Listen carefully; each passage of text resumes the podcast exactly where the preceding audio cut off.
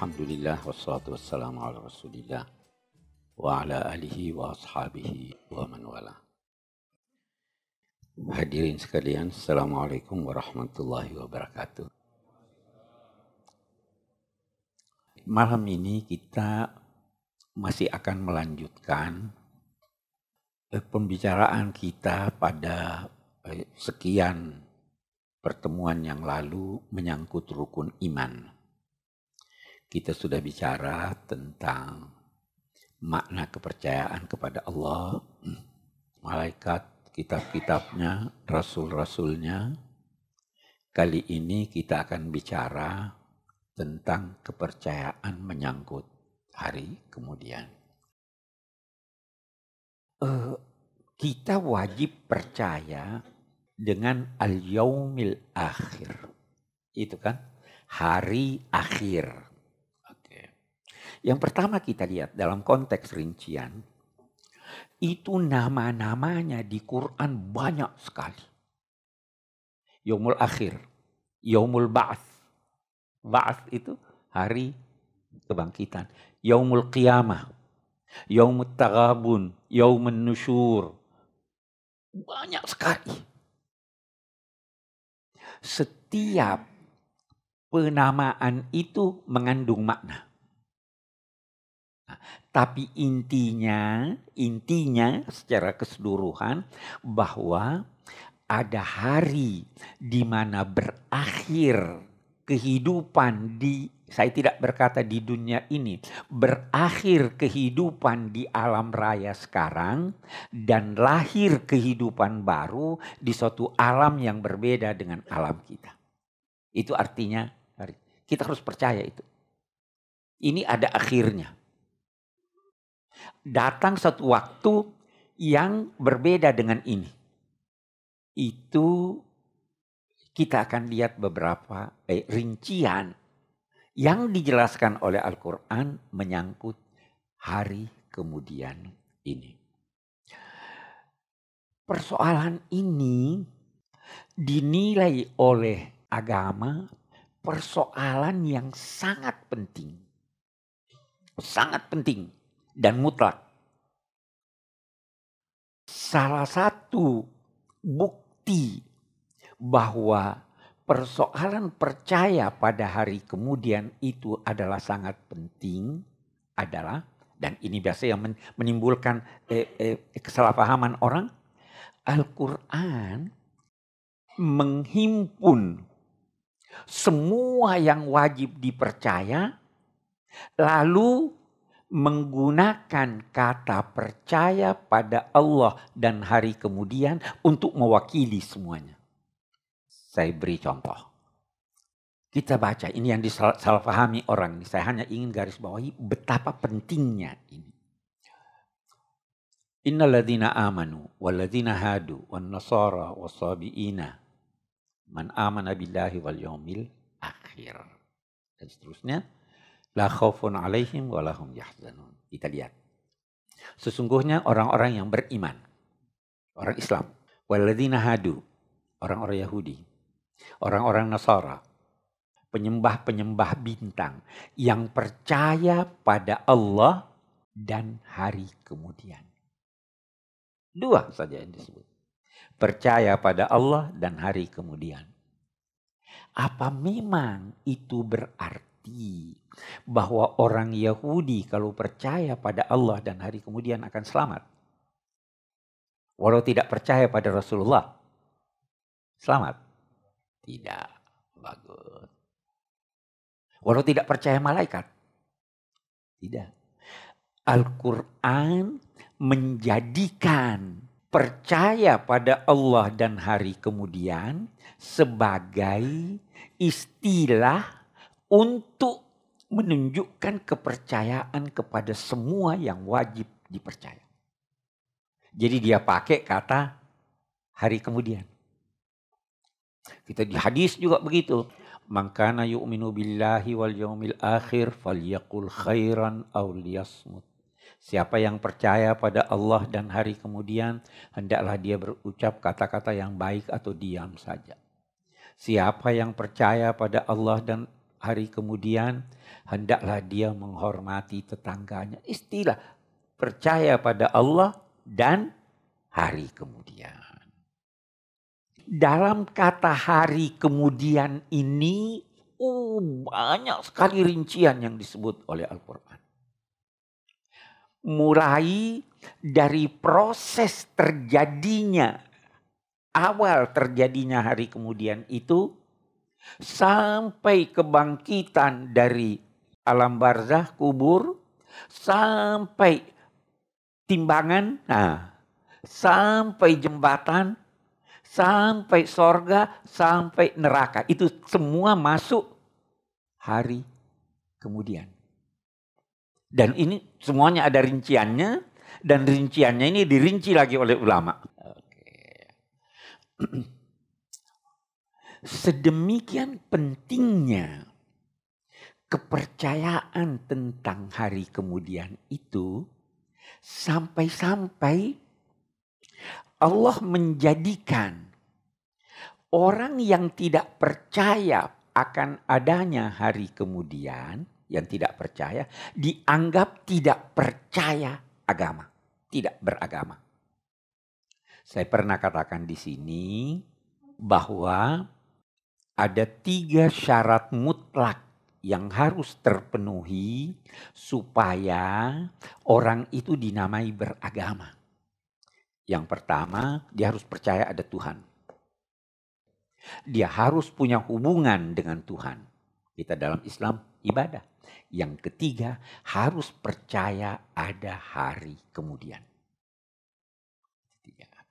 Saya katakan, karena pentingnya sehingga Al-Quran menjadikan orang yang tidak percaya pada hari kemudian atau hari pembalasan itu dianggap tidak percaya pada agama. Kita mau rinci sedikit ini saya ingin beri gambaran sambil bicara apa sebenarnya yang diinginkan oleh Islam atau oleh agama secara umum sehingga dia mewajibkan Anda percaya ada hari kemudian. Kenapa? Salah satunya, mari kita lihat. Saya ambil contoh dulu. Kita tidak usah jauh-jauh dulu ke hari kiamat. Kalau anda percaya bahwa besok masih akan ada, bisa jadi sebagian pekerjaan Anda, Anda tunda sampai besok. Ya, saya beri contoh yang lebih ekstrim. Ada orang muda berkata, udahlah nanti kalau tua baru saya tobat. Ya, oke kita lihat. Kalau Anda percaya bahwa Anda tidak sampai besok lagi usia Anda. Apa yang Anda lakukan? Sudah mau tobat sekarang atau tidak? Nah, jadi kepercayaan tentang hari esok itu bisa mendorong Anda melakukan sesuatu atau tidak melakukan sesuatu dan kepercayaan tentang hari esok itulah yang mewarnai hidup Anda. Beda orang percaya ada kiamat dengan tidak ada kiamat. Itu beda. Tidak ada kiamat. Yang penting hari ini sekarang tipu aja. Tapi kalau ini ada kiamat nih. Ada pembalasan nih, ada ini. Orang berhitung. Itu kisahnya populer kan itu orang tua tanam benih satu pohon yang mungkin 20-30 tahun baru berbuah. Eh kenapa kamu tanam? Kamu kan kamu kan bakal mati. Enggak, saya bakal dapat ini. Ini bukan buat saya, tapi hasilnya saya dapat karena dia percaya besok. Ya? Jadi punya pengaruh luar biasa. Itu sebabnya Selama Nabi di Mekah, baca ayat-ayat surah-surah yang turun di Mekah. Baca juz ammah, salah satu itu. Semua surah-surah itu berbicara tentang hari kemudian. Semuanya. Atau hampir semuanya. Itu dulu ditanamkan. Itu soal sholat, puasa, haji. Itu di Medina. Itu ditanamkan dulu. Percaya pada Allah dan ada hari kemudian. Ya kan? Oke. Jadi eh, penting sekali. Salah satu yang pertama disampaikan oleh Nabi adalah tentang hari kiamat. Itu pada awal dakwah Nabi. Dia kumpul itu semua orang-orang. Eh kumpul. Saya mau, saya mau bertanya pada kamu. Seandainya saya berkata di belakang lembah ini ada musuh yang akan menyerang kamu. Kamu percaya saya atau tidak? Kata Nabi. Mereka berkata, kami percaya kamu, wahai Muhammad. Kami tidak mengenal kamu pembohong. Nah, Nabi terus jawab, hei ingatlah sesudah kematian kamu ada hari. Jadi yang pertama itu yang dia sampaikan. Jadi ini amat penting. Bahkan bisa jadi dalam kehidupan keseharian kita ada orang tidak percaya Tuhan tapi dia percaya bahwa ada balasan, dia akan berbuat baik. Bisa enggak itu? Boleh jadi itu orang komunis begitu. Enggak ada Tuhan. Tapi ini saya harus perlakukan dia dengan baik. Sebab bisa ada balasan. Bisa saya dapat keuntungan. Jadi itu itu bisa jadi tolok ukur. Oh ini dia bekerja baik, ini dia bekerja tidak baik. Salah satu pendorongnya adalah percaya tentang hari esok. Nah, kita melangkah yang kedua, kita lihat. Ketika Nabi menyampaikan bahwa ada hari esok, kaum musyrik Mekah tidak percaya. Kalau kita simpulkan ada dua alasan pokok mereka. Yang pertama, bahwa Tuhan tidak kuasa. Yang kedua, Tuhan tidak tahu lagi. Itu alasan. Itu sebabnya kalau kita baca ayat-ayat yang berbicara tentang hari kemudian, hampir seluruhnya, bahkan ada ulama berkata semuanya. Tapi saya pernah melakukan penelitian desertasi saya itu hampir semuanya itu menyinggung tentang kuasa Allah dan pengetahuan Allah. Kita akan lihat nanti beberapa ayat. Dia katakan, ini orang sudah mati. Boleh jadi badannya sudah bercampur dengan tanah. Boleh jadi sebagian badannya ada dimakan binatang buas Sebagian masih ada di sini. Tuhan tidak kuasa lagi kumpul itu. Tuhan, kata mereka, Tuhan tidak tahu lagi kalau sudah campur baur ini yang mana nih mau dikumpul kembali. Maka ayat-ayat Al-Quran yang membuktikan kuasa dan pengetahuan Allah itu diuraikannya ketika berbicara tentang hari kemudian. Kita ambil satu contoh. Mari kita lihat, kita ambil. Yang populer deh, baca surat Yasin kan? Apa itu? Wa daraba lana masalan wa nasiya khalqa. Qala man yuhyil azama wa. Mereka orang-orang musyrik itu memberikan sesuatu kalau terjemahannya itu eh, perumpamaan, sebenarnya bukan perumpamaan. Meng mengungkapkan suatu hal yang aneh, masalah itu aneh. Dan waktu dia mengungkapkan sesuatu yang aneh itu, dia lupa dirinya. Apa itu? Dia katakan, siapa yang bisa menghidupkan tulang belulang setelah dia menjadi rapuh, jadi tulang belulang? Siapa ini yang bisa menghidupkan? Tidak ada. Kita lihat jawaban Allah. Qul yuhyiha alladhi ansha'aha awwala marrah. Yang akan menghidupkannya adalah dia yang menciptakannya pertama kali. Pertama kali dia tidak ada. Ya kan? Terus dia diciptakan. Yang mana lebih susah?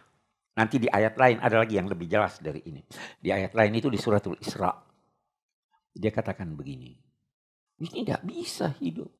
Tidak bisa lagi sudah jadi tulang belulang. Aida kunna izaman warufatan aina ba'usuna khalqan jadida. Kami sudah jadi tulang belulang, bisa lagi kami dibangkitkan. Allah menjawab, Qul kunu hijaratan au hadida. Sekarang kamu ada tulang belulangmu. Anggaplah kamu bukan tulang belulang. Anggaplah kamu besi atau batu. Apa bedanya? Kalau tulang belulang pernah hidup. Ya kan? Kalau batu pernah hidup. Tidak pernah hidup. Besi tidak pernah hidup. Jangan kamu berkata kamu jadi tulang belulang. Anggaplah kamu menjadi besi, hijarat, batu atau besi. Baru kamu tanya, Siapa yang bisa menghidupkan besi? Itu itu bisa. Kalau kamu hanya jawab siapa yang bisa menghidupkan tulang belulang, itu gampang itu. Anggap kamu jadi besi. Au khalqam mimma yakburu fi. Jadilah kamu suatu makhluk yang lebih mustahil menurut perkiraan kamu bahwa itu tidak bisa dihidupkan Tuhan. Baru dijawab, yang menghidupkan kamu itu adalah yang menciptakan kamu pertama kali. Yang menciptakan kamu pertama kali, dulu kamu tidak ada, sekarang kamu ada. Jadi sebenarnya lebih gampang, yang mana lebih gampang? Mencipta pertama kali tanpa bahan atau mencipta ulang yang sudah ada bahannya. Dan kalau kita eh, bahas Nabi, saya ingin kaitkan sekarang dengan eh, keadaan kita sekarang ini. Itu Nabi eh, menyatakan begini. Semua manusia ini akan hancur badannya dimakan tanah. Kecuali ada sedikit dari tulang ekornya. Ajabuzam. Itu tidak hancur di tempat lain Al-Quran berkata begini, memberi contoh. Dia bilang kamu mau lihat bagaimana kuasa Tuhan menghidupkan. Itu kau punya kebangkitan nanti mirip. Serupa dengan air hujan yang menimpa tanah yang gersang. Tapi di dalam tanah itu ada benih. Benih itu tumbuh hidup. Wa kadzalikan nusyur. Begitu juga nanti hari kebangkitan. Kita kembali. Kita baca surat Yasin itu. وضرب لنا مثلا ونسي خلقه قال من يحيي العظام وهي رميم قل يحييها الذي أنشأها أول مرة yang menghidupkan yang menghidupkannya pertama kali tanpa bahan tanpa contoh baru wa huwa bikulli khalqin alim nah sudah ada ilmu nih dan dia itu maha mengetahui semua yang tercipta. Nah, mau lihat kuasanya? Lihat. Awalaysa alladhi khalaqas samawati wal arda biqadirin ala ayyakhluqa mithlahum. Bala. Langit dan bumi dia ciptakan kuasa dia. Apa dia yang kuasa mengatur ini semua, tidak kuasa menciptakan kamu? Wa khallaqul alim. Innama amruhu idza arada syai'an ayyaqula lahu Dia tidak butuh apa-apa. Seandainya tidak ada sisa bahannya, seandainya belum pernah wujud, dia bisa wujudkan. Karena apa? Kalau dia mau, langsung dia bisa wujudkan dengan mudah dan cepat secepat kamu berkata kun. Jadi Tuhan itu tidak perlu berkata kun. Dia mencipta sesuatu bukan dengan kata kun. Karena kalau baru tercipta dengan kata kun artinya dia butuh kun. Jadi itu contoh buat kita. Hei, Tuhan itu cepat sekali, mudah sekali. Semudah bahkan lebih mudah daripada kamu berkata jadilah terus jadi. Itu cara Al-Quran menjawab. Banyak itu kita bisa masuk dalam eh, rincian yang disebut oleh Al-Quran menyangkut hari kebangkitan ini. Jadi tidak ada alasan buat seseorang untuk meragukan itu.